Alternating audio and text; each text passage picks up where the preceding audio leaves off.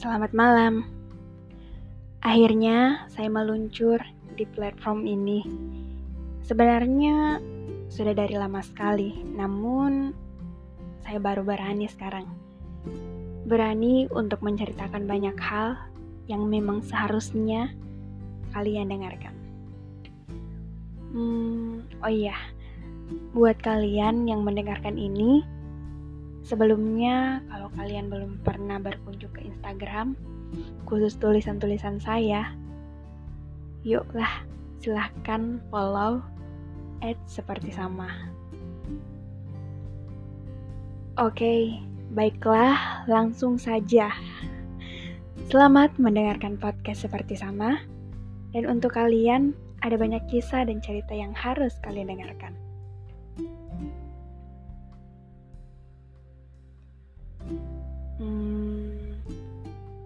Pernah nggak sih kalian menyukai seseorang sampai-sampai bisa dibilang segala tenaga, cinta, rasa, dan apa pun itu habis di dia.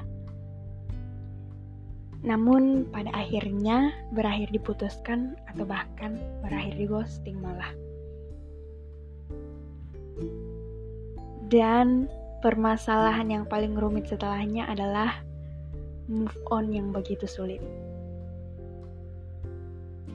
Ada rasa ingin membenci, tapi masalahnya dia nggak ada rekam jejak jelek sama sekali. Dan ketika orang-orang baru datang menawarkan cinta kembali, kalian seakan-akan menghindari hal itu.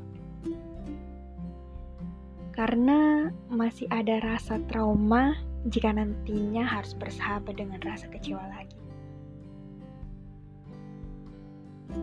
Terkadang nih ya, memilih menyendiri mungkin jadi pilihan yang paling tepat sebelum hati benar-benar siap berhadapan dengan cinta lagi.